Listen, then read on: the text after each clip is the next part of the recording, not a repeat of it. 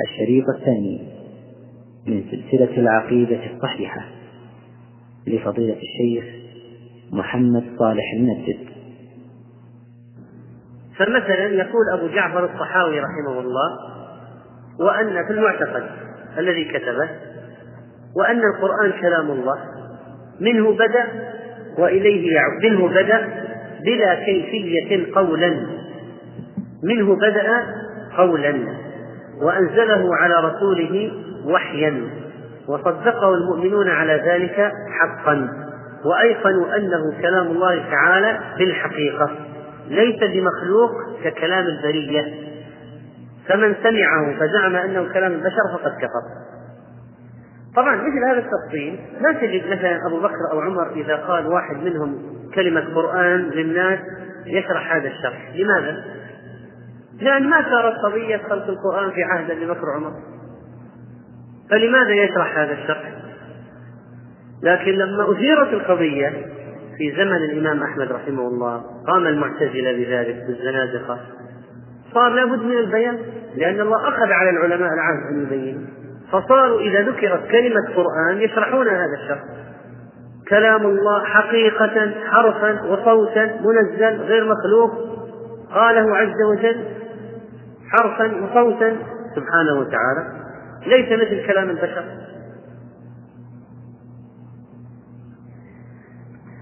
طيب هذا الكلام كلام الله تعالى وإنك لتلقى القرآن من لدن حكيم عليم.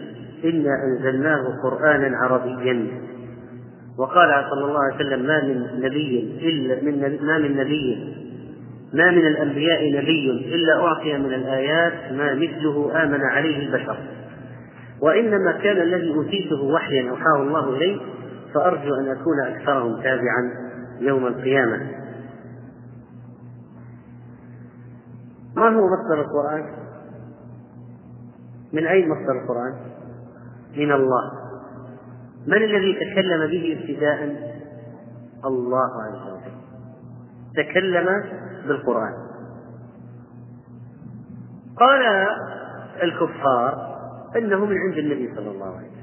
وهو الذي قاله هو الذي ألفه هو الذي والمستشرقون كذلك قالوا كلام من رجل ذكي. بليغ. فيقال قد أعجز البلغاء والفصحاء. لو كان من رجل بليغ فهناك رجال بلغاء فلماذا لم يأتوا بمثله؟ لماذا لم يأتوا بقريب منه؟ تحداهم أن يأتوا بمثله ما استطاعوا. خصب قال عشر سور ما استطاعوا. فأتوا بسورة ما استطاعوا. فنادى عليهم بالعجز إلى قيام الساعة جنا وإنسا. فقال لئن اجتمعت الإنس والجن على أن يأتوا بمثل هذا القرآن لا يأتون بمثله ولو كان بعضهم لبعض ظهيرا والرجل مهما أوتي ذكاء مهما بلغ ذكاؤه وصفت سريرته كيف يذكر الأحوال التفصيلية الدقيقة للأمم الغابرة كيف يمكن واحد يذكر تفاصيل ما حدث بين يوسف وامرأة العزيز وبينهما آلاف السنين كيف؟ كيف يجيب هذا؟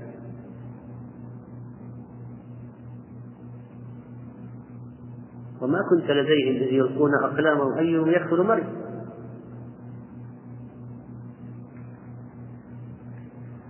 وكذلك فإن في القرآن غيبيات ظهرت فيما بعد. فكيف يعرف رجل أن هناك بأشياء غيبية ستقع ويذكرها في كلامه؟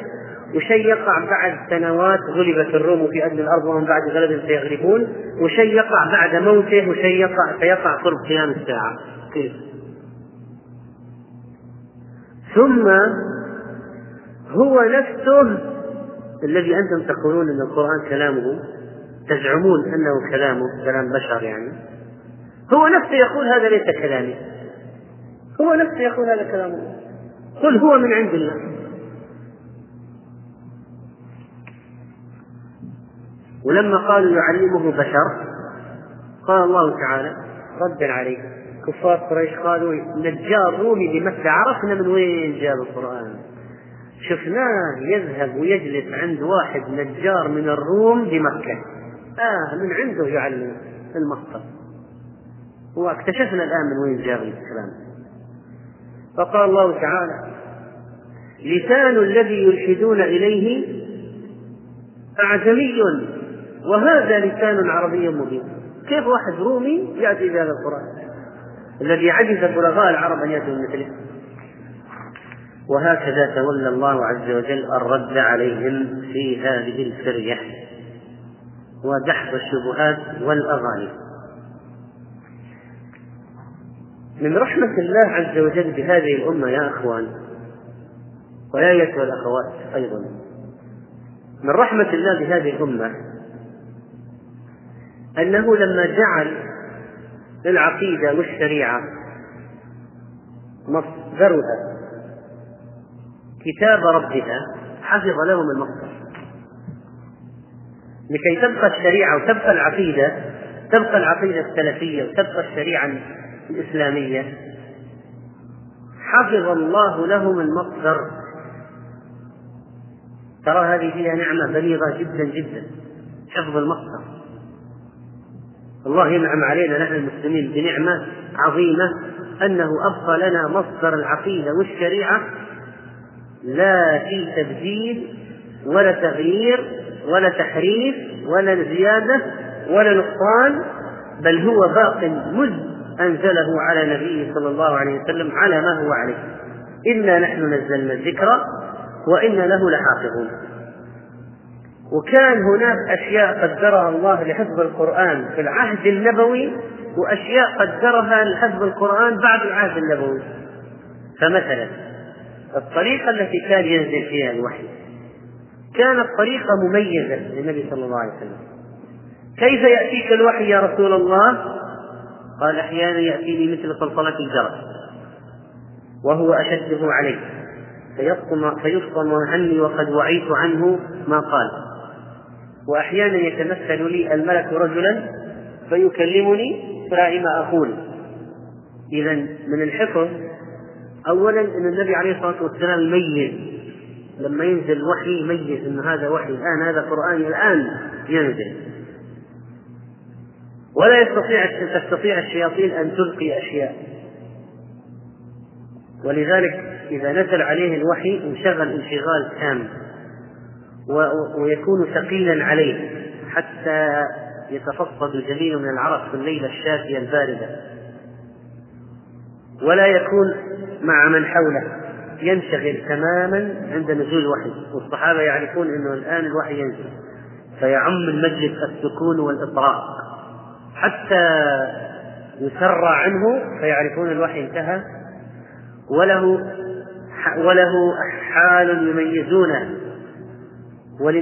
وللنبي عليه الصلاة والسلام وقت نزول الوحي غطيط كغطيط البكر البكر الإبل في سن معينة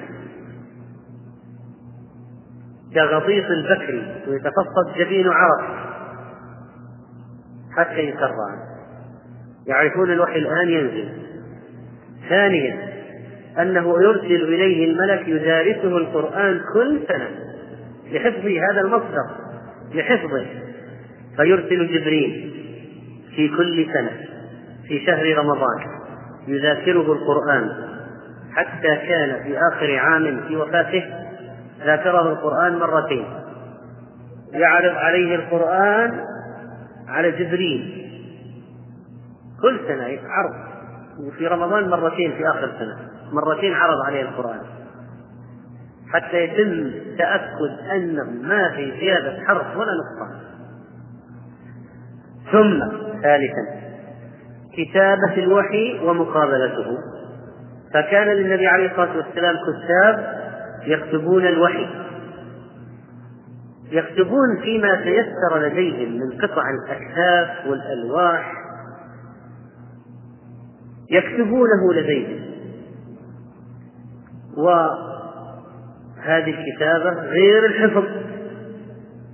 طريقة إضافية لبقاء القرآن محفوظا. والإجراء الرابع منع كتابة أي شيء غير القرآن. وقال لأصحابه لا تكتبوا عني ومن كتب عني غير القرآن فليمحه حتى لا تختلط القرآن لا يختلط بالسنة. في آخر حياته سمح بكتابة السنة لما صار خرج أعداد من الحفاظ. خرج أعداد من الحفاظ خرجوا. في آخر عمره سمح بالبداية بس بداية اكتبوا لأبي شاف شيء بسيط. وخامسا حض الأمة على تعلم القرآن وتعليمه وخيركم من تعلم القرآن وعلمه. وكانوا إذا رجل فيهم حفظ سورة البقرة نبغ في أعينهم وقال ما معك؟ قال سورة البقرة. قال اذهب فأنت أميرهم. غير هذا القرآن قدر الله أن ينزل على العرب في أوج حفظهم. هم أمية ما تكتب. فلما نزل القرآن العرب كانوا حفظة واضح جدا. تقرأ القصيدة أمامهم يحفظون من أول مرة. ما في كتابة كل الشغل على السمع. طبعا ما يكتب إلا النادر القليل. ومن هؤلاء القليل كتب الواحد. لكن الأكثرية حفاظ يحفظون. فالعرب كانوا أهل حافظة. قوية جدا لا يكاد يوجد في الأمم مثيل لهم في الحفظ كمجموع. وهكذا كثر آخذو القرآن صدرا وسطرا حتى تم حفظ القرآن في عهده صلى الله عليه وسلم. صدرا وسطرا. وبعد وفاته صلى الله عليه وسلم تجلى تقدير الله عز وجل بأن يجعل حفظ القرآن في حادثتين عظيمتين. جمع القرآن في عهد أبي بكر الصديق لما استحر القتل في القراء يوم اليمامة في حرب مسيلمة فاقترح على أبي بكر القيام بجمع القرآن لأن كثير من الحفاظ قتلوا شهداء في المعارك. فكافى فكون لجنة وهذا الدليل على جواز مشروعية تكوين اللجان للقيام بالمهمات. واستدعى الخبير الحافظ الشاب المتيقظ المتوقد ذاكرة وذكاء. زيد بن ثابت. فقال له إنك رجل شاب عاقل لا نتهمك وقد كنت تكتب الوحي لرسول الله صلى الله عليه وسلم فتتبع القرآن تجمعه قال فوالله لو كلفوني نقل جبل من الجبال ما كان أثقل علي مما أمرني به في جمع القرآن. فبدأ يجمعه من العتب واللخاف وصدور الرجال. وهكذا تمت عملية الجمع الأولى والعتب جمع عتيب جريد النخل الحادثة الثانية في عهد الخليفة الثالث عثمان رضي الله تعالى عنه لما حذيفة سمع أن في فتوح أرمينيا وأذربيجان نتيجة دخول الأعاجم بدأ بعض الأعاجم تشكل تشكل عليهم قضية نزول القرآن على سبعة أحرف. نزول القرآن على سبعة أحرف بدأت تشكل عليهم يصير بينهم شيء من الاختلاف. الصحابة كان أمورهم في سبعة أحرف. هذه طبعا نزول القرآن على سبعة أحرف بالتيسير. تيسيرا على على على الأمة. طيب.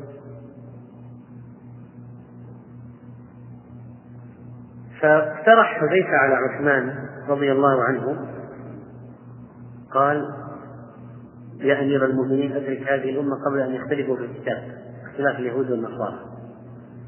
فأرسل عثمان إلى حفصة أرسلي لنا بالصحف التي عندك من أبي أبوها أخذها من أبي بكر. أبو بكر جمعها مع زيد. هات النسخ عندك يا حفصة. جيء بزيد بن ثابت مرة أخرى رضي الله عنه. وعبد الله بن الزبير وسعيد بن عاص لجنة أخرى لأخذ هذه الأشياء المجموعة ونسخها في كتاب واحد. جمع في في في الجمع الأول جمع من اللخاف والعتب وصدور الرجال جمع. الآن نسخ هذه الأشياء في عدة مصاحف. كتاب واحد ينسخ عدة نسخ. عاد بكر نسخة واحدة. الآن عدة نسخ. ثم أرسل عثمان إلى كل مصر من الأمصار المسلمين رئيسي بنسخة. لتكون هي المعتمدة يرجعون إليها. خلاص الآن دخل في الإسلام أعاجم. ناس من غير العرب. ما صار الميزات مثل أول فالآن خلاص يرجعون إلى النسخة هذه ويحفظونها.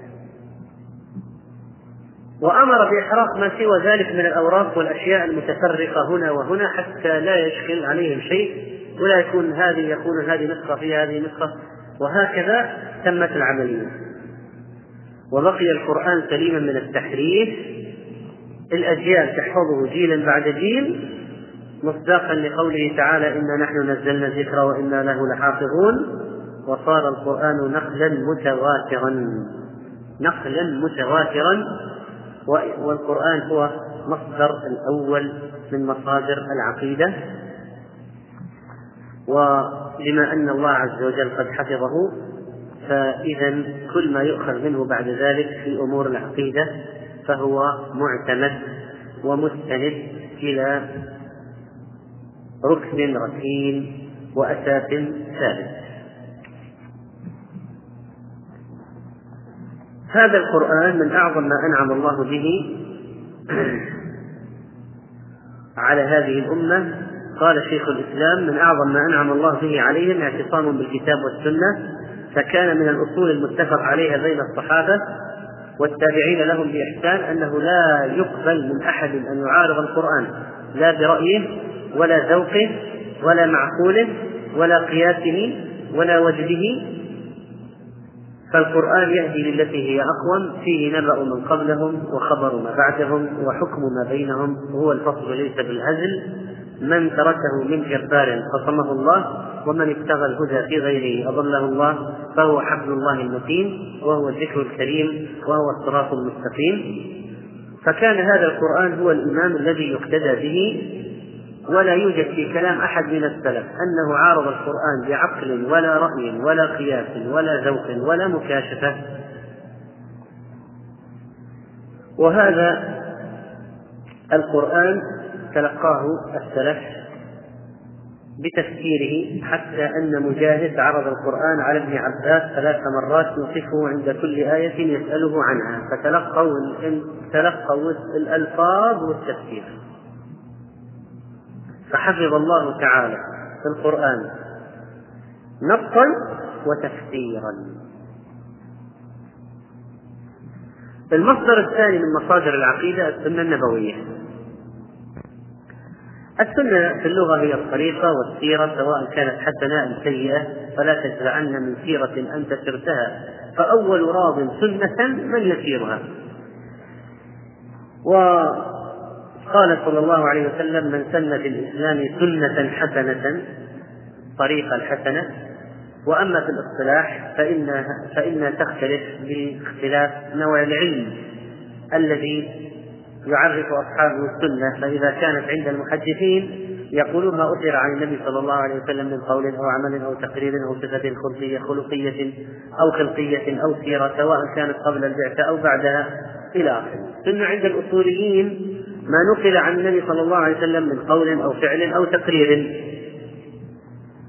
فنظروا إلى الجهة السنة من جهة كونها مصدرا أو دليلا ولهذا يطلقون عليها دليل. عند الفقهاء إذا قلت كلمة سنة ما المقصود بها؟ المستحب ليس الفرض ولا الواجب. وهكذا. قد تطلق السنة في مقابل البدعة أيضا عند الكلام في موضوع أهل البدع. السنة وحي من الله. لا شك في ذلك. والله عز وجل يلقي في نفس نبيه وحي. في فيقوله بكلامه عليه السلام. فتنسب إلى النبي عليه الصلاة والسلام بأنه منشئ اللفظ لكن المعنى من الله قطعا. ألم تر أنه عليه الصلاة والسلام قال إن الروح الأمين قد ألقى في روعي أن لن تموت نفس حتى تستوفي رزقها. فأجملوا في الطلب. الروح الأمين يعني جبريل. ألقى في روعي. إذا معناها المعنى هذا من الله؟ جاي وحي من الله. وهناك أدلة كثيرة على أن السنة من الوحي كما قال الله إن هو إلا وحي يوحى. وقال لعمرو بن العاص اكتب هو الذي نفسي بيده ما يخرج منه إلا حق. وكذلك قال تعالى واذكرن ما يتلى في بيوتكن من آيات الله والحكمة. قال الشافعي رحمه الله فسمعت من أرضى من أهل العلم بالقرآن يقول الحكمة سنة رسول الله صلى الله عليه وسلم. قال عليه السلام ألا إني أوتيت القرآن ومثله معه. ألا إني أوتيت القرآن ومثله معه. ما هو مثله؟ ما المقصود بمثله؟ السنة. السنة. فلا شك إذا أن السنة من الوحي ولا خلاف فيها يخالف في هذا إلا رجل من المبطلين. الله عز وجل حفظ السنة أيضا. ومن نعم الله علينا أنه حفظ لنا السنة. بأشياء متعددة في عهده عليه السلام وبعد عهده عليه السلام. ففي عهده صلى الله عليه وسلم كان يقول الكلمة ويعيدها ثلاث مرات حتى تفهم عنه. وكان يقوله مترسلا متمهلا حتى لو شاء العاج أن يحصيه أحصاه. هذا كله لحفظ السنة. وأيضا رغب عليه الصلاة والسلام في طلب العلم وسماع الحديث. وقال نظر الله امرأ. سمع مقالتي فوعاها. فأداها فحفظها فأداها. إذا حث على الحفظ الفهم الوعي والحفظ والتأدية أيضا. وثم توعد بالنار من كتمه قال من سئل عن علم فكتمه وألجمه الله بلجام من نار. ثم توعد بالوعيد الشديد على من كذب عليه. يعني هذا من من كتب من من كذب عليه فليتبوأ مقعده من النار. هذا الحديث كم كم من الأشياء ردها هذا الحديث. لأن صار هذا نوع من الموعظة في الأمة ما أحد يفتري. ولا يقول كذبا بسبب شدة الوعيد.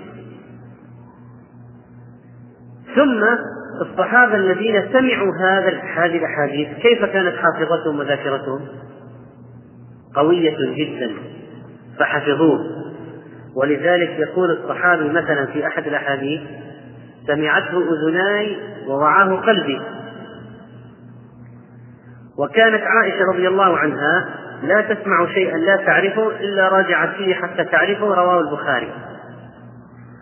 وقال أنس رضي الله عنه كنا نكون عند النبي صلى الله عليه وسلم فنسمع منه الحديث.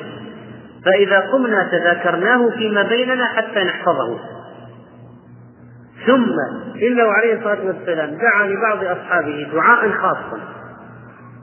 مثل أبي هريرة أنه لا يسمع شيئا فينسى. قال ابسط رداءك فبسطته فغرف بيديه ثم قال ضمه فضممته فما نسيت شيئا بعده. ثم احتياط الصحابة في رواية الحديث وتثبتهم.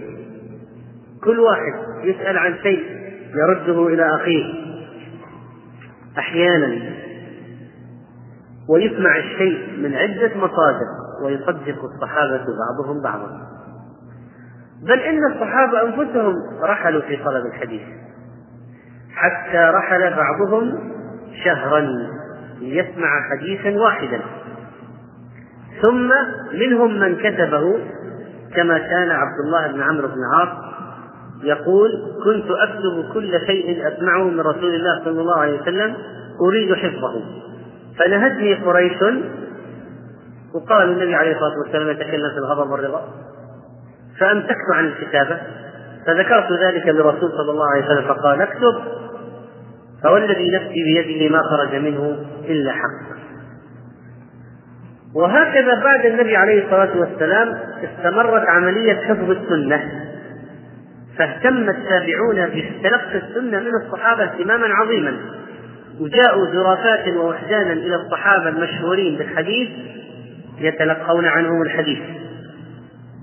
يتتبعون الصحابة يأخذونه من أفواههم ويستعينون على حفظ الأحاديث بالمذاكرة والكتابة. مع ما أعطاهم الله من الدقة والضبط والحفظ والفهم والورع والتقوى. وفي عهد عمر بن عبد العزيز زونت السنة وأمر أبا بكر بن حزم وابن شهاب الزهري بجمع الأحاديث خشية ذهاب العلماء وموتهم. ثم صار عصر التصنيف فجمعت في الجوامع والمسانيد على الأبواب المختلفة مثل باب الصلاة باب الجهاد باب الإيمان باب الفتن وغير ذلك. وكذلك صار عندنا صحيح البخاري صحيح مسلم موطأ مالك وأصحاب السنن. وجمعت الأحاديث على مسانيد الصحابة كما هو حال مسند الإمام أحمد رحمه الله. ثم قامت عملية الصيانة من الدخيل والرد على كل من يحاول الكذب والافتراء بالبواعث المختلفة من التعصب والتحزب والانتصار المذاهب وتأييد البدعة أو التكسب المادي وغير ذلك من الأسباب فلما صار حركة الوضع نشأت مباشرة أجسام مضادة مثل ما تدخل أجسام غريبة للجسم تجي كرات الدم البيضاء تحيط بها فتفتك بها وهكذا لما بدأت تدخل في الجسم الإسلامي أشياء دخيلة في حركة الوضع الحديث مباشرة نشأت حركة مضادة في كشف الكذابين وتبيين أمرهم وفضحهم والكلام في كل حديث بيان صحته. في مجال الأسانيد عنوا بمعرفة الرواة وضبط الأسماء والكنى والألقاب والأنساب والتواريخ ومعرفة الشيوخ والطلاب وسنة الوفاة وتسجيل الرحلات والأحوال والأخلاق. وقيل في فلان صدوق وفلان ثقة وفلان كذاب وفلان ضعيف.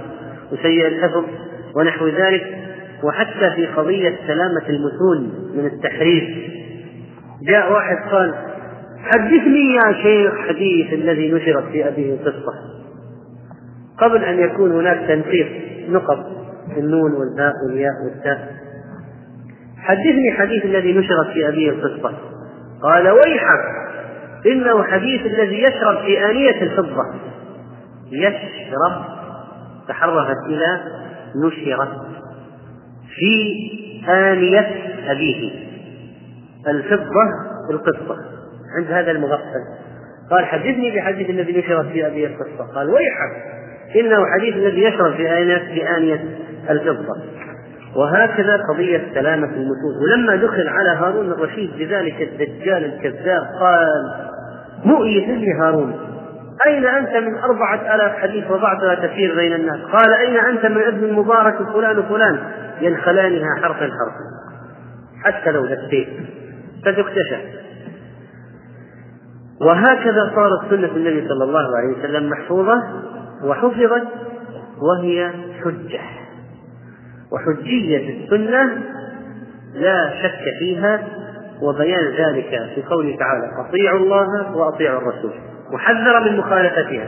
فليحذر الذين يخالفون عن أمره يعني عن أمر محمد صلى الله عليه وسلم أن تصيبهم فتنة أو يصيبهم عذاب أليم. وجعلت طاعة رسوله من لوازم الإيمان. فلا وربك لا يؤمنون حتى يحكموك فيما شجر بينهم. الآية وأمر عباده بالاستجابة لرسوله استجيبوا لله وللرسول وأمرهم برد ما تنازعوا فيه إلى نبيه. فقال فإذا فإن تنازعتم في شيء فردوه إلى الله والرسول. ولذلك لما قامت حركة القرآنيين حركة القرآنيين هذه طبعا هذه نسبتهم من القرآن نسبة تجاوز ولا هم لو كانوا قرآنيين لعملوا بما في القرآن أطيعوا الله والرسول لكن ما عملوا. هذه الحركة حركة قديمة. حركة قديمة. ناس قاموا يقولون ما نأخذ إلا ما في القرآن. السنة ما علينا منها. علينا من في القرآن. السنة لا نعترف بها والنبي عليه الصلاة والسلام من علامات نبوته أنه أخبر بهذا الصنف أنه سيوجد. وقال لا ألفين أحدكم متكئا على أريكته. يأتيه الأمر مما أمرت به أو نهيت عنه. فيقول لا أدري ما وجدنا في كتاب الله اتبعناه فهذا الذي فعله الضلال. والنبي عليه الصلاة والسلام قال عليكم بسنتي وسنة الخلفاء الراشدين المدينة من بعدي. وهكذا السلف كانوا يعضون عليها بالنواجذ ويعتقدون أنها حجة وإنكار حجية السنة هذه حركة خبيثة ظهرت في التاريخ الإسلامي. تشكيك في عدالة النقلة وكذلك الذي حصل من المبشرين والمستشرقين المبشرين بالنار والمستشرقين ومن شايعهم من ذراري المسلمين من المعتزلة والرافضة وغيرهم. تشكيك بالسنة. للقضاء على هذا المصدر المهم جدا جدا مصدر ثاني للعقيدة الصحيحة. ولا شك أن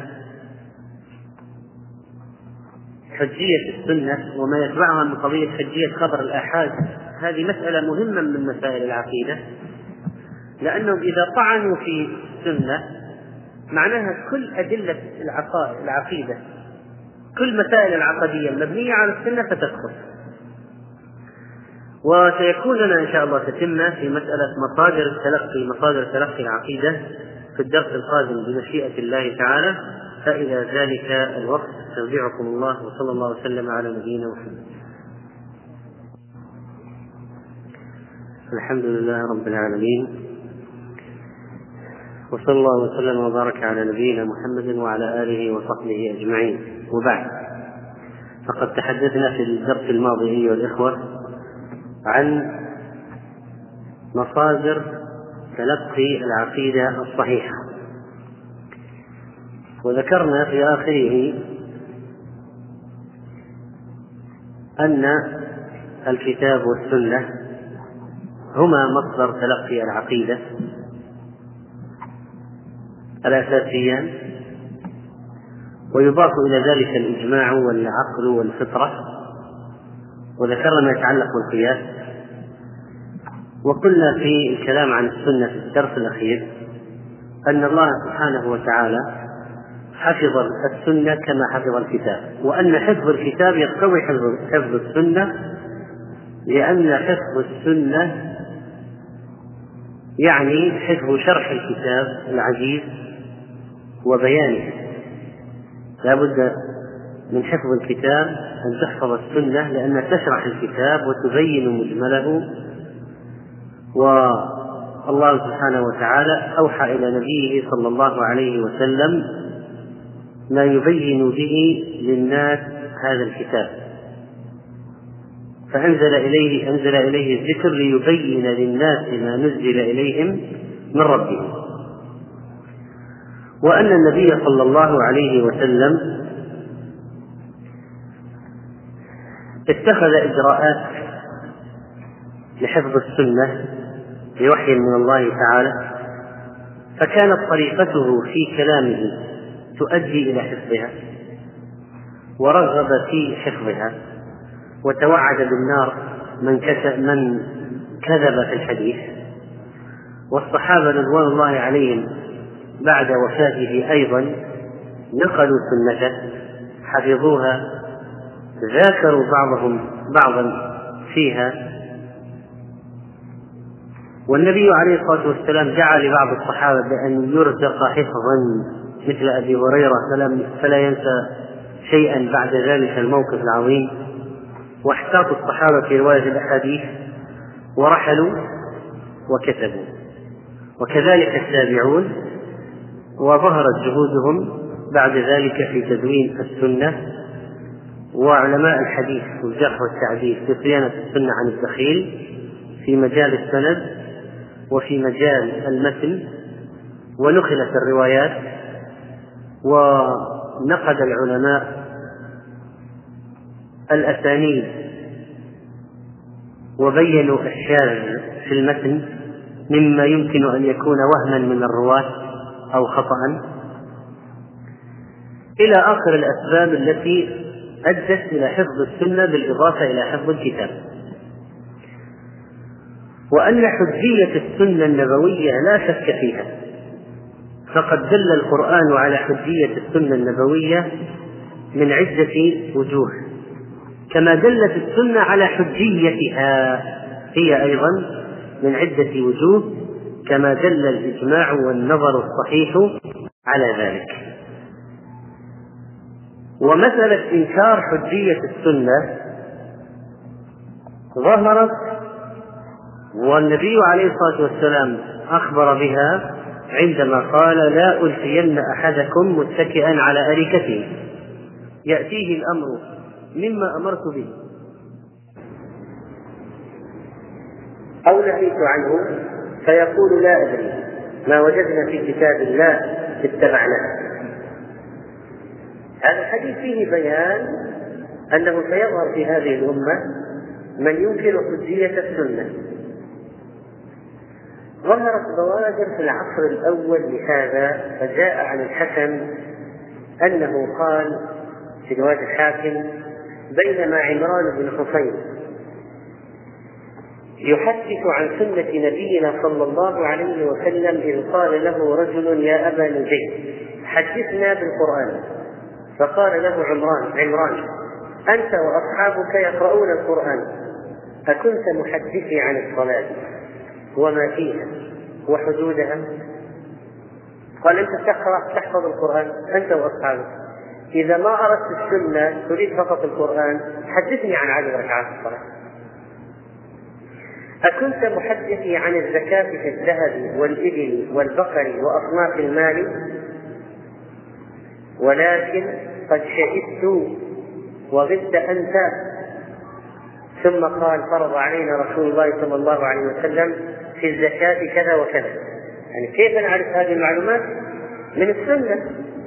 الصحابي يقول فحضرتها وغبت أنت فأنا أنقلها لك الآن.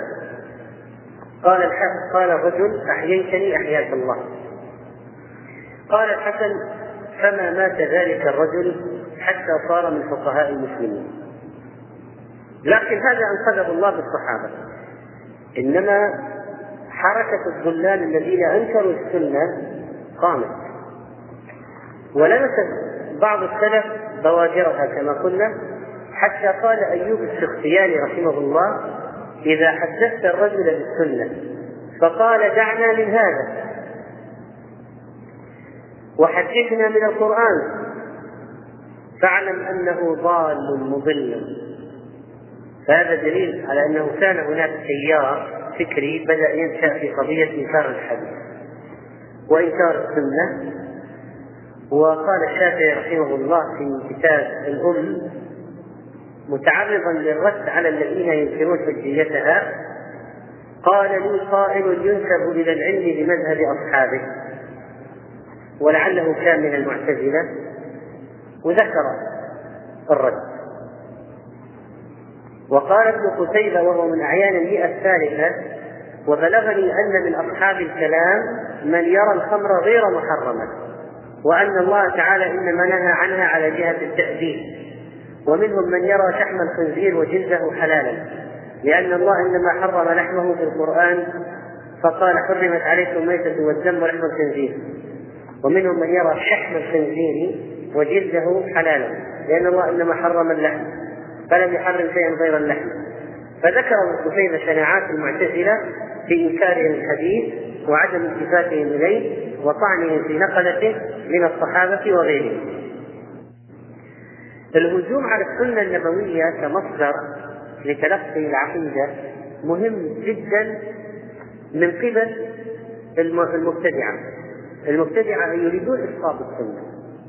لأن في السنة أحاديث واضحة وبينة في الرد على بدعهم ولذلك اتجهت جهودهم إلى إسقاط حجيته وعندما نتكلم نحن عن العقيدة الصحيحة لابد أن نؤكد ونركز على قضية حجية السنة والرد على من خالف ذلك. لقد اتجهت جهود أولئك الأعداء إلى الطعن في السنة من جهتين. الأولى التشكيك في عدالة النقلة ولا سيما الصحابة رضوان الله عليهم. ودخلوا من أي باب؟ شوف سبحان الله بدع كيف قالوا مرتكب الكبيرة يكفر والإيمان واحد. وإذا واحد خرمه راح كله. الصحابة قاتلوا والقتال كبيرة. إذا ذهب إيمانهم. إذا هم كفار. إذا الأحاديث غير مقبولة سقطت السنة. وهؤلاء الرافضة الذين يزعمون نصرة آل البيت لا يقبلون الرواية من طريق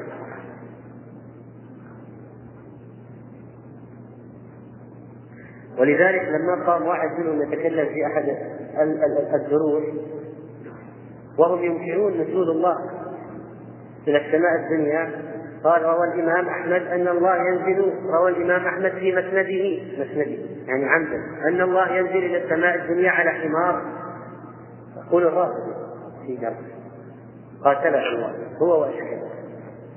وين وين الرواية الماء وهكذا فالطعن في السنة في كتبها واصحاب ونقلتها الصحابة. التيار الثاني في الطعن في السنة والذي له كلام والذي له سلالته موجودين الآن في المدرسة العقلية هذه العفنه المتعفنه الموجودة. للطعن في السنة وإسقاط حجيه السنة ونفس بعض الأحاديث على الأقل. أتوا من المدخل الثاني وهو تقديم العقل على الدليل النقلي عند التعارض بزعمه. إذا تعارض تعارض الحديث مع العقل يقدم العقل على الدليل النقلي قال العقل دليل قطعي والحديث هذا ممكن الراوي يهم ممكن يخطئ ممكن. ولكن العقل هذا مؤكد. إذا عند التعارض انسى الحديث. حتى قال عمرو بن عبيد المعتزلي ولقد ذكروا له حديثا صحيحا بسند فيه. فلان عن فلان عن فلان. قال لو سمعت الأعمش يقول هذا لكذبته ولو سمعت يعني الراوي عن الأعمش أو أبو هريرة يقول هذا لكذبته ولو سمعت رسول الله صلى الله عليه وسلم يقول هذا لرددته ولو سمعت الله يقول هذا لقلت ليس على هذا أخذت ميثاقا. ما عندهم كبير. ما عندهم كبير. المبتدعة فنستغفر الله ونسأله سبحانه سلامة من هذه الأهواء بل إن إبراهيم بن نصران قد ذهب إلى أن حجة العقل تنسخ الأخبار ثم كانت النوبة للمستشرقين وتلاميذهم ومن شايعهم من ضرار المسلمين. اعتمدوا شبهات المتقدمين من المعتزلة والرافضة وغيرهم وتوسعوا فيها وزادوا عليها حتى صار اليوم تيار ومدرسة وهو التيار العقلي الذي ينسف الأحاديث التي لا تعجبهم. ويقول هذا حديث مخالف للعقل غير معتمد. وبناء عليه ينكرون أي شيء يخالف عقولهم أو يرونه عيبا عند الغربيين. عيب نقول الغربيين المرأة ديتها نصف دية الرجل. عيب نقول الغربيين أن المرأة ما ما تتولى ولاية عامة. طيب الحديث البخاري يقول ولو الحديث الفلاني النساء ناقصات عقل ودين هذه مذهب. أي طريقة؟ يخالف العقل خالف الواقع. جاء على سبيل المزاح المهم أن تميع القضية ويرد الحكم الشرعي لأنه يخالف عقله. أما هؤلاء الذين لا يؤمنون بالسنة بالكلية الذين يسمون أنفسهم بالقرآنيين في هذا الزمان سبحان الله هذه شبهة قديمة القضية قديمة من أيام السلف إلى عصر الإنترنت الذي فيه الآن لهم مواقع القرآنيين هؤلاء ينشرون فيه العدل. أتواصوا به بل هم قوم طاغون يقولون القرآن حوى كل شيء فلا نحتاج للسنة ألم يقل الله ما فرطنا في الكتاب من شيء؟ ويجاب عن هذا بأن الله سبحانه وتعالى قد أبان في القرآن كل شيء من وجوه أربعة. أولا ما أبانه نصا مثل جمل الفرائض. كالصلاة أقيموا الصلاة الزكاة آتوا الزكاة الصيام كتب عليكم الصيام. جملة بدون تفاصيل. وكذلك بين بالنص في القرآن تحريم الفواحش كالزنا والخمر وأكل الميتة ونحو ذلك. الطريقة الثانية ما أحكم فرضه بكتابه وبينه على لسان نبيه صلى الله عليه وسلم مثل عدد الصلوات ومقادير الزكاة وغير ذلك مما أصله في الكتاب وتفصيله في السنة. أصله في الكتاب وتفصيله في السنة. الثالث ما سنه رسول الله صلى الله عليه وسلم مما ليس له ذكر في الكتاب العزيز ولكن كيف القرآن أشار إليه؟ أشار إليه بقوله تعالى وأطيعوا الله وأطيعوا الرسول. فلما أمر بطاعة رسوله في القرآن كانت الأحاديث التي فيها أشياء زائدة على القرآن داخلة في القرآن من جهة قوله تعالى وأطيعوا الرسول. ومن جهة قوله تعالى وما آتاكم الرسول فخذوه وما نهاكم عنه فانتهوا. فإذا القرآن فيه بيان لكل شيء ونزلنا عليك الكتاب تبيانا لكل شيء لو قلت الأشياء الدقيقة والتفاصيل غير الموجودة في القرآن كيف يكون القرآن فيه تبيان لكل شيء؟ فإما أن يكون فيه بيان له بالنص في القرآن أصلا أو دلالة وتبعا عندما يقول وما آتاكم الرسول فخذوه وما نهاكم عنه فانتهوا ووجدناه فيما أمرنا به الرسول صلى الله عليه وسلم. أو نهانا عنه عرفنا أن الله قد أمر به في كتابه. وحفظ هذه الطريقة مهم في الرد على هؤلاء المبتدعة فإذا ما أتانا ما أتانا في السنة الصحيحة قد جاء الأمر به في الكتاب ضمنا لما قال وما أتاكم الرسول فخذوه. رابعا ما فرض الله تعالى على خلقه الاجتهاد في طلبه وابتلى طاعته في الاجتهاد كما ابتلى طاعته في غيره مما فرض عليهم فإذا لو قال واحد هناك أحكام ليست في الكتاب ولا في السنة ممكن يعرفها المجتهدون بالقياس مثلا هل القرآن يدل عليها؟ يدل. مثلا فاسألوا أهل الذكر إن كنتم لا تعلمون. ونحو ذلك من الآيات التي فيها الأمر أمر أهل العلم لتبيننه للناس ولا تكتمونه. يعني الأحكام التي يقولها العلماء في القضايا المستجدة. القضايا المستجدة. هل هي داخلة في الكتاب العزيز الذي فيه تبيان لكل شيء؟ داخلة ضمنا فإذا المراد من قوله تعالى تبيانا لكل شيء أن الله بين في كتابه كل شيء إما تفصيلا وإما تأصيلا إما تفصيلا وإما تأصيلا فإما أنه ذكر التفاصيل مثل مثل المواريث ذكر تفاصيل المواريث. التفاصيل الربع والثلث والثمن ومن يرث هذا ومن يرث هذا بالتفاصيل. هذا ذكره تفصيلا وفي أشياء وردت في السنة أين تحريم لحم الحمار الأهلي في الكتاب العزيز؟ هل في الكتاب العزيز تحريم لحم الحمار الأهلي؟ أين في الكتاب العزيز في القرآن تحريم الجمع بين المرأة وعمتها والمرأة وخالتها؟ لا يوجد. أين في القرآن إباحة لحم الضبع استثناء خاصا من زواج الأنياب أين هو؟ وهكذا. هذا موجود في السنة. كيف دل الكتاب عليه؟ تأصيلا. لما وضع لنا الأصل الذي يؤدي إلى معرفة الأحكام هذه والأخذ بها. فالقرآن دل على كل شيء إما تفصيلا وإما تفصيلا على أن قوله تعالى ما فرطنا في الكتاب من شيء قد قيل هو اللوح المحفوظ كما دل عليه السياق لأن قوله تعالى ومن من دابة في الأرض ولا طائر يطير بجناحيه من أمثالكم ما فرطنا في الكتاب من شيء ثم إلى ربهم يحشرون. يدل السياق على أن اللوح المحفوظ ولو قلنا القرآن فالكلام فيه في الآية هذه كالكلام في الآية التي قبلها. وهكذا لا يأتون بشبهة في هذا المقام إلا والدليل عليها حاضر. لو قال إنا نحن نزلنا الذكر وإنا له لحافظون السنة ما حفظت. القرآن حفظ نقول كيف ما حفظت؟ جهود العلماء الله عز وجل قيضهم هؤلاء الذين نقلوا الأحاديث نقلا وبينوها. ما في رد إلا وتكلموا حكموا عليه.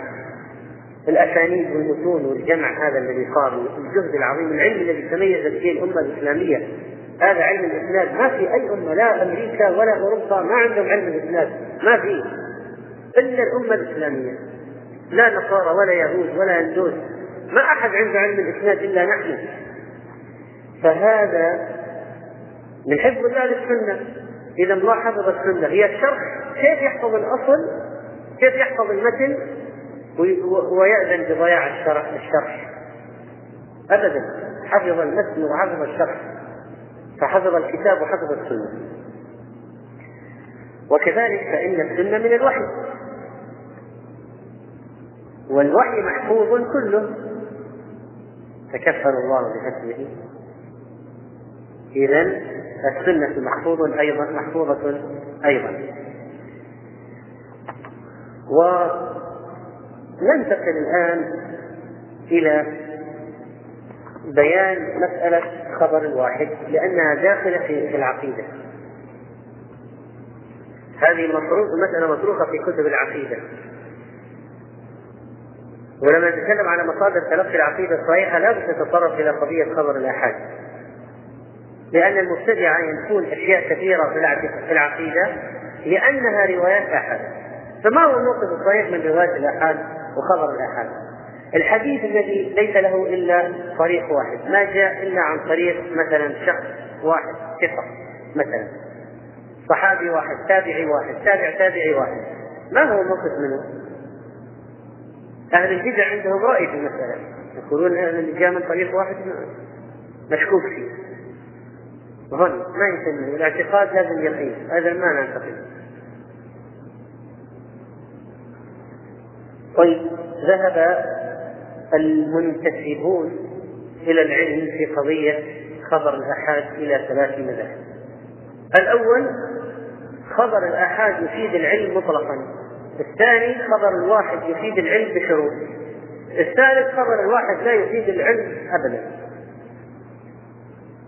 لا يفيد علما يعني علم مؤكد يقين شيء يقين مؤكد علم.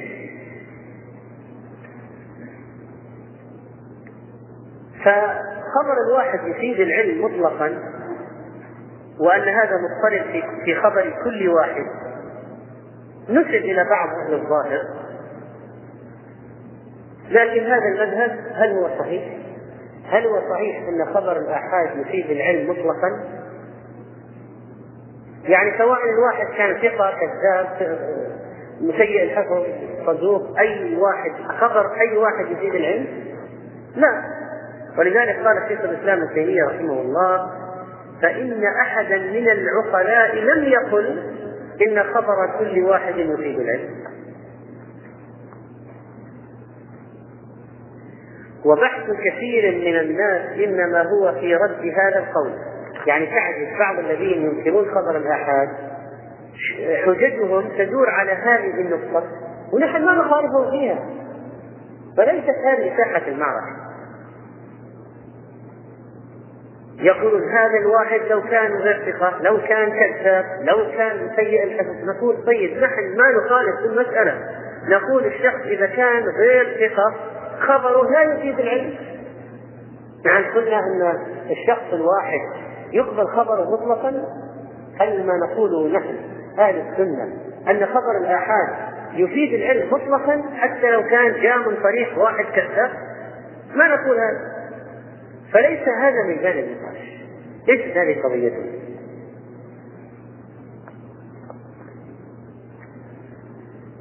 الثاني المذهب الثاني أن خبر الواحد يفيد العلم بشروط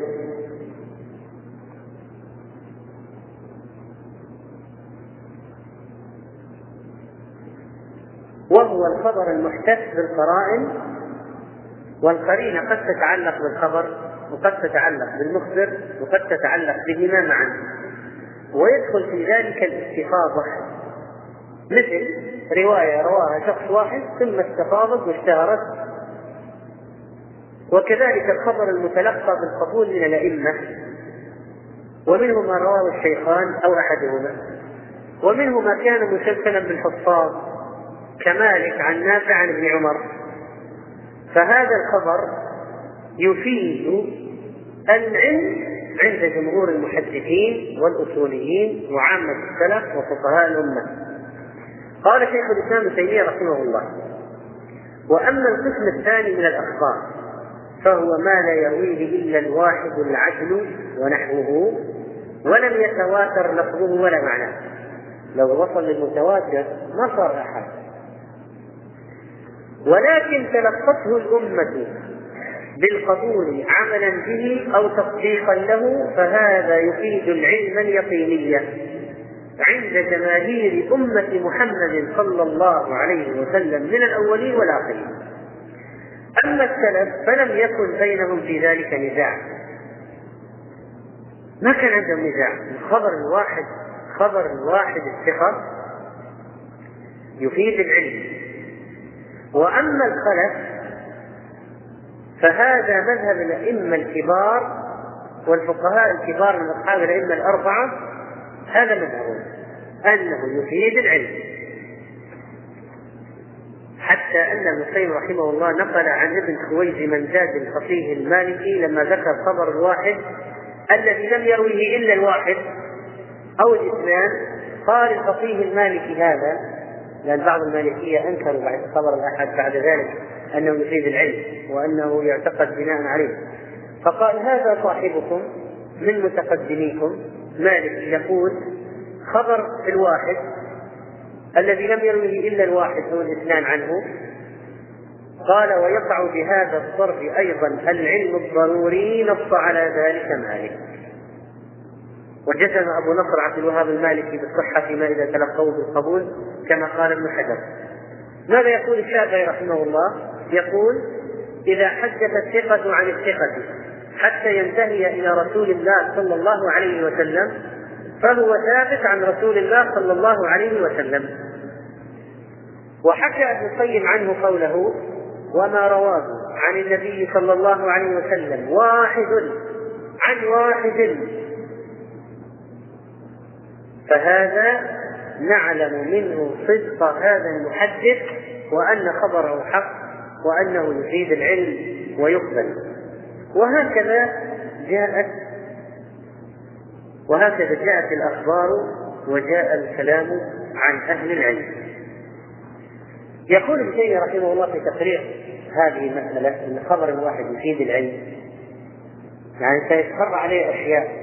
لو جاءتنا أي مسألة في العقيدة بعد ذلك أو أي حكم فقهي من طريق من حديث في في أحد طبقات الحديث رجل واحد ثقة أننا سنأخذه يكون حجة هذا سينبني عليه المسألة هذه مهمة جدا. هذه أصل يبني عليه أشياء لا بد أن ننتهي أن خبر الواحد إذا كان ثقة إذا اقتنعنا أنه يفيد العلم أي مسألة في العقيدة أي تقسيم في العقيدة أي حكم فقهي أي مسألة شرعية سنثبتها بناء عليه. وإذا واحد ما اقتنع خلاص لن لن يعمل بها ولن تثبت عنده ولن يعتقد بها ولن يعتمد عليها. يقول شيخ الإسلام رحمه الله وقد ذكر أبو عمرو بن الصلاح القول الأول وهو إفادته للعلم وهو إفادته أي خبر الأحاد للعلم وصححه واختاره. وصححه واختاره. وقال السخاوي أن هذا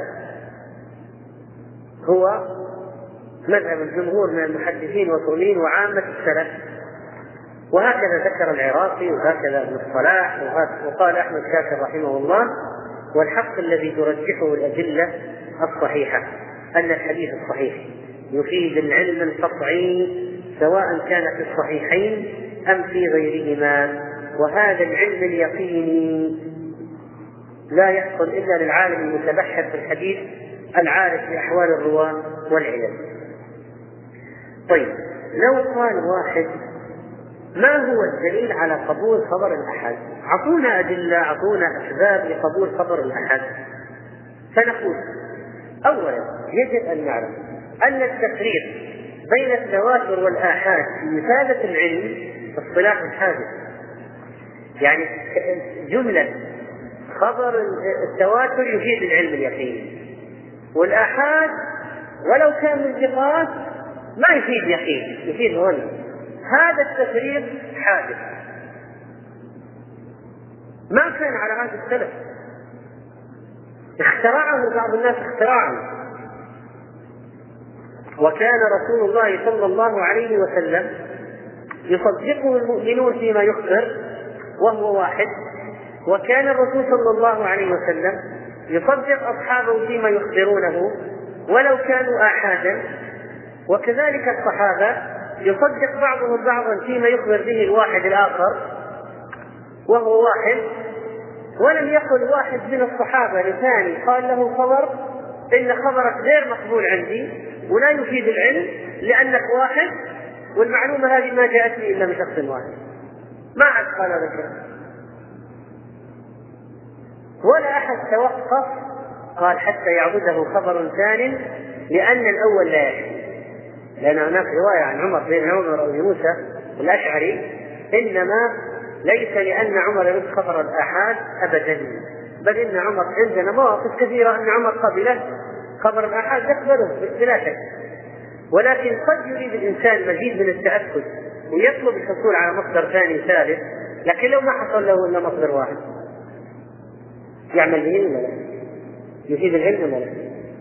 يفيد العلم يعتقد به يعتقد به يطبق لنفسه إذا كان حكم شرعي حلال حرام لنفسه. وكذلك التابعون يلتقون بالصحابة.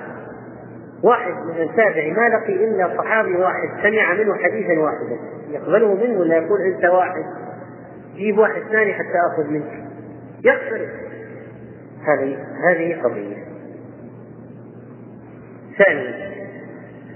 أن الرسول صلى الله عليه وسلم كان يبعث الآحاد من أصحابه إلى الملوك والولاة. الذي حمل رسالة النبي صلى الله عليه وسلم إلى كسرى واحد والذي حملها إلى قيصر واحد وأرسل إلى عدد من الملوك في الأرض رسلا وسفراء واحد سفير واحد. رسول واحد من قبله حامل رسالة. لو كان النبي صلى الله عليه وسلم يعتقد أن خبر الواحد لا يفيد العلم كان أرسل من أول ثلاثة. فلما أرسل واحدا في عدد من الحالات أرسل واحدا إذا عند النبي عليه الصلاة والسلام أن خبر الواحد يكفي في إقامة الحجة. ما دام ثقة. إذا خبره يكفي في إقامة الحجة. لو كان ما يكفي كان أرسل عشرة من أول مرة. ثالثا إن المسلمين لما أخبرهم الواحد وهم في مسجد قباء يصلون جماعة جاء واحد مر عليهم وهم يصلون العصر يصلون الصلاة. قال إن القبلة قد غيرت وإنها صارت قبل مكة ولم تعد قبل الشام. ماذا فعلوا؟ استداروا وهم في الصلاة من جهة بيت المقدس إلى جهة مكة ولو كان خبر الواحد لا يبنى عليه علم ولا يفيد يقينا كان قالوا نصلي ونكمل وننتظر واحد ثاني ونرسل من عندنا اثنين ثلاثة يتأكدون لنا من الخبر. لكن لما استداروا في الصلاة معناها يفهمون أن خبر الواحد الثقة أنا ما نقول أي واحد مرة ثانية نعيد ما هو أي واحد نقبل خبر الواحد الثقة خبر يفيد العلم ولذلك تحولوا وهم في الصلاة وهذا من شدة فقههم تحولوا إلى جهة القبلة الجديدة. والنبي عليه الصلاة والسلام ما أنكر عليهم ولا قال لماذا اكتفيتم بخبر واحد؟ يمكن هذا لا يفيد العلم. لابد تنتظروا مجيء ثاني وثالث لكنه ما فعل ذلك عليه الصلاة والسلام. طيب المذهب الثالث أن خبر الواحد لا يفيد العلم مطلقا سواء اقترنت به قرينة أم لا وهذا مذهب المتكلمين الذين جنوا على هذا الدين وعلى المسلمين. مذهب الأشاعرة الغزالي والباقلاني وفلان وفلان. مع فضل بعضهم بعض بعض بعضهم عباد بعضهم ما تقول يعني أن هؤلاء مفسدون أن هؤلاء من المفسدين أو أنهم يريدون تخريب الدين. اجتهاداتهم كانت خاطئة. هذا الذي نقول اجتهادهم في قضية خبر الواحد غلط. خطأ فهؤلاء الذين يقولون لا لا يقبل خبر الواحد سواء احتفت فيه قرائن أو ما احتفت فيه قرائن لا يقبل خبر الواحد؟ كلام غير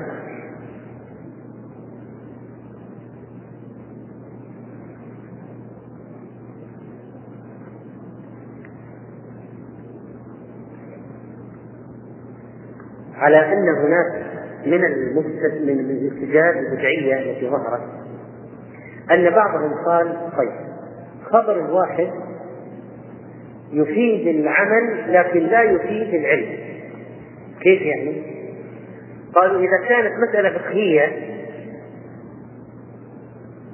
مسح الخفين أخذنا منه لكن إذا كانت مسألة عقدية يعني عذاب القبر شيء في الجنة والنار شيء في صفات الله ما نعتقده ولا نأخذه لماذا فرقتم؟ لماذا فرقتم؟ هل عندكم حجة من الله بهذا التفريق؟ أو من رسول الله صلى الله عليه وسلم؟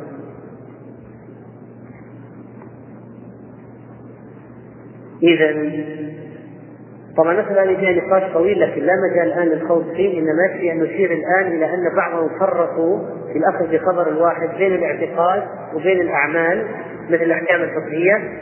ولكن هذا التفريق لا دليل عليه وخبر الثقة مقبول سواء قال لك معلومة في العقيدة ولا قال لك حكم شرعي بالفقه يعني أحكام الشريعة عندنا هينة تناقض يعني وتلك العقائد يعني أنها لا الكل دين. الكل شريعة الكل من الله والرسول صلى الله عليه وسلم. الخبر منسوب من الله والرسول صلى الله عليه وسلم. منسوب إلى النبي عليه الصلاة والسلام وهو عن ربه حدث وحي. ونقل عن الله عز وجل. قال الشيخ أحمد شاكر رحمه الله ودع عنك ودع عنك تفريق المتكلمين في اصطلاحاتهم بين العلم والظن. فإنهم يريدون بهما معنى آخر غير ما نريد.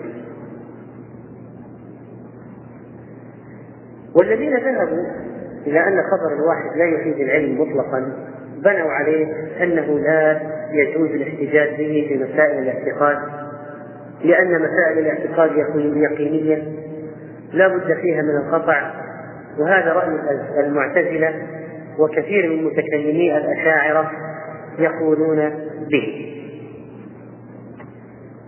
فنعيد الرد عليه مجملا يعني قضية لو واحد قال الرد على من فرق في أحاديث الآحاد بين العقائد والأحكام الفقهية يفرق بين العلم والعمل. وقال نعمل بها لكن لا ليست علما نعتقده. فنقول اولا التفريق بين العقائد والأحكام في قضية خبر الآحاد بدعة لا عهد للسلف بها. بل إن تصانيفهم تشهد بعكس ذلك. وقال ابن القيم رحمه الله وهذا التفريق باطل بإجماع بإجماع الأمة فإنها لم تزل تحتج بهذه الأحاديث في الخبريات العلميات كما تحتج به في الطلبيات العمليات ابن القيم يقول وهذا التفريق باطل بإجماع الأمة فإنها لم تزل تحتج بهذه الأحاديث يعني أحاديث الآحاد أحاديث الآحاد. في الخبريات العملية في الخبريات العلميات كما تحتج به في الطلبيات في؟ العمليات. الخبريات الأخبار العلميات اللي هي مسائل علمية ليست وضوءا ولا صلاة ولا إقامة حج. أو توزيع تركة شيء. علم معلومة. الله له يد. معلومة هذه معلومة. ما ما ما تعطى لتفعل بها شيئا بذاتها تفعل بها شيء بجوارحك لكن لتعتقدها يعني هذه معلوم علم خبر علم. والشيء العملي مثل وضوء مثلا صلاة شيء عملي. فقال ابن القيم إن التفريق بينهما في قضية خبر الآحاد بدعه ولم تزل الصحابة والتابعون يحتجون بهذه الأخبار في مسائل الصفات والاسماء ولم ينقل عن أحد منهم البتة أنه جوز الاحتجاج بها في مسائل الأحكام دون الإخبار عن الله واسمائه وصفاته فأين سلف المفرقين بين البابين نقول المفرقين بين البابين أين سلفكم؟ من هم؟ من الذي قال بهذا؟ مالك، الشافعي، أحمد، بن مسعود، بن عباس، من الذي فرق من؟ ثانيا ما تواترت به الأخبار عن النبي صلى الله عليه وسلم في إرسال الرسل والدعاة آحادا إلى أطراف البلاد وإلى ملوك الفرس والروم واليمن ليخبروهم بمسائل معاذ أرسل معاذ لليمن لماذا؟ لما أرسل معاذ إلى اليمن أرسله بمسائل عملية وأحكام فقهية فقط أو أرسل معه أحكاما علمية أو أخبارا علمية. أرسل معه أخبار علمية أم لا؟ وعقائد. ألم يكن له؟ فليكن أول ما تدعوهم إليه عبادة الله عز وجل. وفي رواية تدعوهم إلى شهادة لا إله إلا الله. إذا أرسل الرسل هؤلاء كل واحد واحد يذهب واحد ومعه أخبار أخبار في العقائد يبلغها ويجب أن تقبل منه. وكذلك فإن هنا مسألة أيضا وهي اعتقاد بعض الناس أن العقيدة لا ينبني عليها عمل. وأنها شيء مجرد في النفس حديث لا علاقة له بالواقع وأن هذه معلومة خزن في مثل ذاكرة الكمبيوتر خزن فيه ما لها أي آثار. وهذا عند أهل السنة والجماعة غلط لأن المعلومات العقدية يا جماعة المعلومات العقدية فيها عمل قلبي. بل حتى تنفيذ الأعمال الأخرى أعمال الجوارح مرتبط بأعمال القلب ومرتبط بالعقائد اللي في القلب ألم ترى أن الله يقول في كتابه العزيز في تنفيذ حد الزنا وهو مسألة عملية وفقهية طلبية وليست مسألة عقدية خبرية فقط أنه قال في مقام الطلب العملي والشارع قال سبحانه وتعالى الزاني والزانية فاجلدوا كل واحد منهما مئة جلدة. اجلدوا هذا عمل ولا لا؟ عمل. ولا تأخذكم بهما رأفة في دين الله. إن كنتم إيش؟ تؤمنون بالله واليوم الآخر. تؤمنون هذه إيش قضية عقدية. فهو ربط بين تنفيذ الشيء العملي وبين الشيء العلمي العقدي الذي في القلب. إن كنتم تؤمنون. ولذلك لو واحد قال يعني إذا أنا عرفت أن لله وجه هل هذه معلومة ما لها أي أثر؟ بس تخزن مثل جهاز الحاسب نقول شيء ما لها أثر؟ أنت إذا عرفت أن لله يدان أن لله يدين وأنهما مبسوطتان ينفق كيف يشاء تطلب منه. وإذا عرفت أن له وجها يليق بجلاله أنت تأمل وترجو وتعمل أن تنظر إليه. لأن أعظم نعيم الجنة النظر إلى وجه الله. وأنت شوف اللي يؤمن أن لله وجها كيف يكون الارتباط بين عمله وبين عقيدته. لو واحد ينكر لله وجه وواحد يؤمن أن لله وجه. إذا وقف الذي يؤمن بأن لله وجه وقف في الصلاة. تأمل بس تامل وقف في الصلاة. وكبر تكبيرة الإحرام. وهو مستحضر حديث النبي صلى الله عليه وسلم إن الله ينصب وجهه لوجه عبده في الصلاة ما لم يلتفت. إن الله ينصب وجهه لوجه عبده في الصلاة. لو تؤمن بصفة الوجه كيف يكون شعورك وخشوعك في الصلاة؟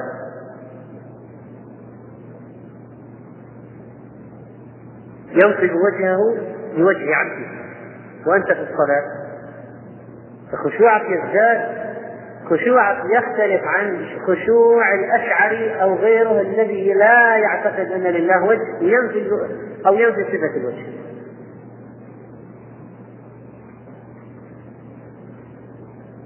حتى دفعك للمار بين يديك في الصلاة يختلف. لو كنت تعتقد أن الله ينصب وجهه لوجه عبده في الصلاة. وجاء واحد يريد أن يمر بينك وبين ربك. وأنت في الصلاة؟ لمنعته ودفعته. المصلي أن يمر بينه وبين ربه. فيمنع الأحد فيمنع المار. وهذا الربط اللطيف الذي ذكره ابن القيم رحمه الله في هذه المسألة. إذا نرجع للقضية نقول لا تفرق في قضية خبر الأحد بين العقائد والأعمال. الثالث من مصادر تلقي العقيدة الصحيحة الإجماع. الإجماع مصدر أجمع يجمع إجماعا فهو مجمع ويطلق ويراد به أحد معنيين. إما العزم المؤكد أجمع على اتفق إذا عزم عليه. فأجمعوا أمركم وشركاءكم أي أعزموا أمركم وأجمعوا أن يجعلوا في غيابة الجب يعني عزموا على ذلك. من لم يجمع الصيام من الليل قبل الفجر فلا صيام له يعني من لم يعزم عليه ويعقد النية المعنى الثاني للإجماع أو أجمع يجمع هو الاتفاق. فيقال أجمع المسلمون على كذا يعني اتفقوا عليه. هذا المعنى الثاني. غير عزم عليه هذا اتفق عليه. اتفقوا عليه. ومنه قوله صلى الله عليه وسلم لا يجمع الله هذه الأمة على الضلالة أبدا أي لا يمكن يجعلهم يتفقون على الضلالة. فهذا المعنى للإجماع الآن هو المقصود ببحثنا ولذلك يعرف الإجماع اصطلاحا بأنه اتفاق مجتهدي أمة محمد صلى الله عليه وسلم بعد وفاته في عصر من العصور على أمر من الأمور. هذا تعريف الإجماع. فإذا قلنا اتفاق خرج خرجت المسائل اللي فيها اختلاف بين المجتهدين. أو قال بعضهم وبعضهم الآخر قال ما صارت في مسائل إجماع ولما قلنا اتفاق مجتهدين المجتهدون الاجتهاد أصحاب الاجتهاد أصحاب ملكة يتمكن بها العالم من استنباط الأحكام الشرعية. والمجتهد يفرغ وسعه ويبذل طاقته في استنباط الحكم. فإذا العوام داخلين في الإجماع غير داخلين. ثالثا أمة محمد صلى الله عليه وسلم المقصود بهم هنا أمة الدعوة الكفار وغيرهم ولا أمة الإجابة الذين استجابوا له المسلمون فقط؟ المسلمون فقط. أهل السنة أيضا. إذا لو واحد قال في شخص تتوفر فيه شروط الاجتهاد يعلم اللغة العربية يعلم أصول الفقه حافظ القرآن بس مستجد جاهل. رافض. نصراني نصارى العرب. في ترى نصارى من نصارى العرب. عندهم علم وأصول فقه. والفوا يدرسك اصول فقه لو اردت ولغه عربية. اسكت. قواميس لغة عربية. يمكن أحسن منا كلنا في اللغة. ما في شك فيها. فإيش رأيك هؤلاء ندخلهم في الإجماع؟ نقول مجتهد. فإذا لما نقول اتفاق مجتهدين أمة محمد صلى الله عليه وسلم يعني المسلمون أهل السنة منهم. بعد وفاته لأننا لا نتصور أن هناك إجماعا في عهد النبي عليه الصلاة والسلام. لأن في عهده الكتاب والسنة فقط. ما يحتاج إلى إجماع.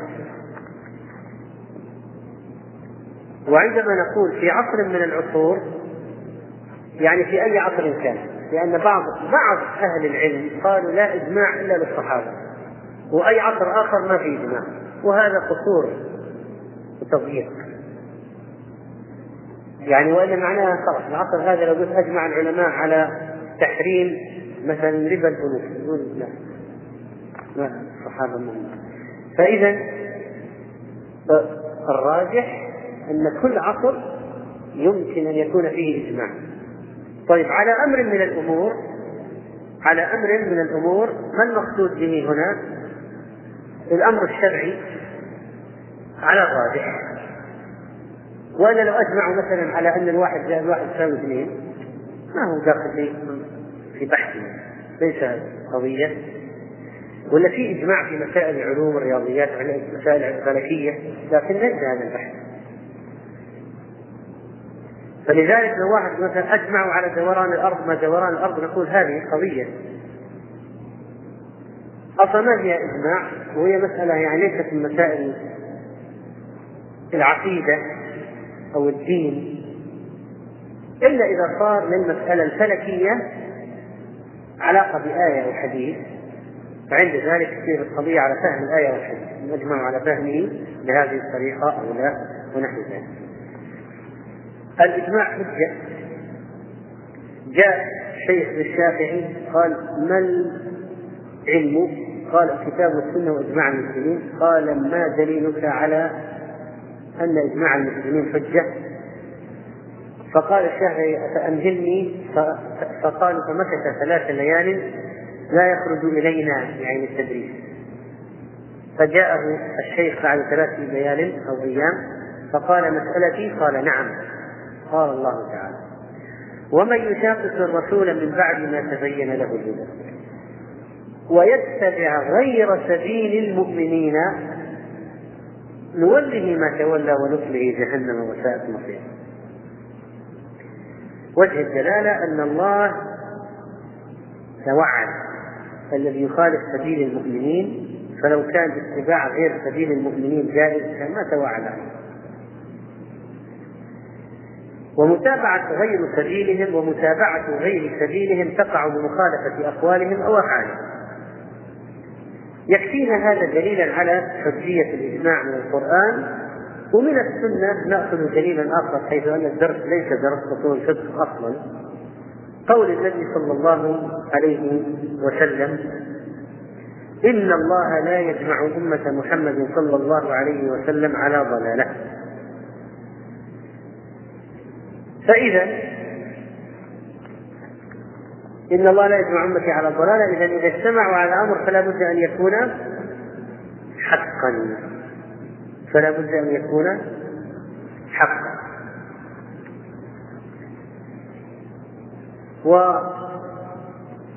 والذين ينكرون حجية الإجماع طائفة من الخوارج وكذلك الشيعة والنظامية وغيرهم ولا عبرة بقولهم وللظاهرية كلام في الإجماع مخالف لكلام جمهور أهل العلم وليس بقوي بل هو مرجوح.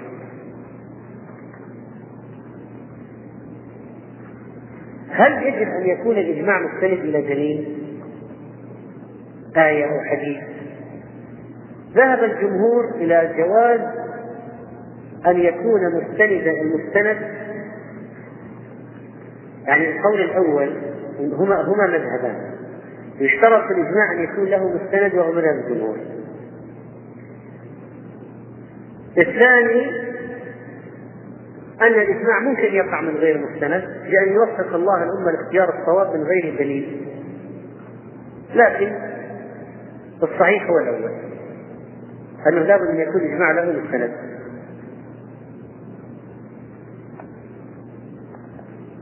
وهذا المستند ما هو؟ قد يكون من كتابه أو من سنة بما في ذلك خبر واحد حتى نكون على بين بما في ذلك خبر واحد وقد يكون قياسا ماذا يفيدنا الإجماع؟ ماذا يفيد الإجماع؟ بعض قال يفيد الخطأ بعض قال يفيد الظن والمذهب الثالث الأرجح هو التفصيل. فإذا اتفق عليه المعتبرون فهو حجة قطعية. إذا صرح وتكلم وإذا قلت إجماع سكوتي أو إجماع إلا ربع.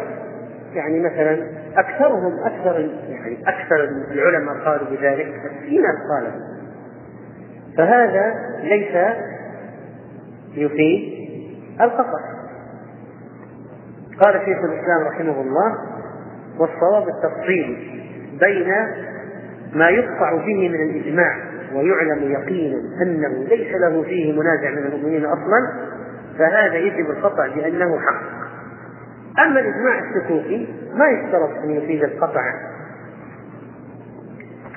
طيب مخالف الإجماع ماذا يكون؟ قال بعضهم مخالف الإجماع كافر.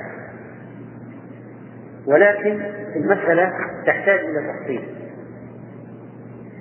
فإذا أنكر شخص ما معلوما من الدين بالضرورة كوحدانية الله وأحقيته بالعبادة ونبوة محمد صلى الله عليه وسلم والبعث والحساب والجنة والنار والصلاة والصيام والحج ونحو ذلك مما يعلمه العام والخاص. معلوم بالضرورة من دين الإسلام. فمنكر هذا لا شك في كفره. ثانيا إذا ثبت حكم شرعي بالإجماع القطعي كتحريم الجمع بين البنت وعمتها والبنت وخالتها تحريم الكذب على النبي صلى الله عليه وسلم فمنكر هذا الحكم كافر أيضا لأنه أنكر حكما شرعيا ثبت بالدليل القطعي. ثالثا حكم ما ثبت بالإجماع الظني كالإجماع السكوتي. أو ما نذر فيه المخالف فهذا يفسق ويبدع لكن لا يكفر طيب ماذا بالنسبة للإجماع في مسائل الاعتقاد؟ بعض المتكلمين قالوا لا يمكن يحصل إجماع في مسائل الاعتقاد ليه؟ قالوا لأن مسائل الاعتقاد القطع فيها ما يحصل إلا من جهة العقل ولا نحتاج بعد العقل لا إلى دليل آخر لا إلى الإجماع ولا إلى غيره.